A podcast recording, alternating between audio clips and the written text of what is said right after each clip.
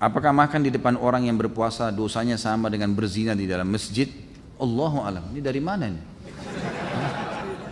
Kok perumpamaannya disamakan dengan zina dalam masjid? Zina dosa besar dalam masjid lagi. La ilaha illallah. Ini tidak ada dalilnya Allah alam. Saya tidak tahu itu. Ya. Yang jelas orang makan di depan orang puasa tidak dosa, ya tidak dosa dia, tapi itu makruh hukumnya.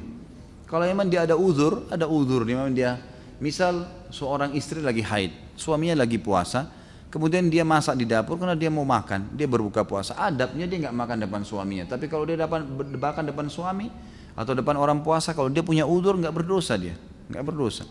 Ya, ini juga hal-hal mendasar yang mesti diketahui. Sebagaimana boleh seseorang muslim, ini fatwa para ulama umumnya, bolehkah seorang muslim menjual makanan di bulan Ramadan? Boleh.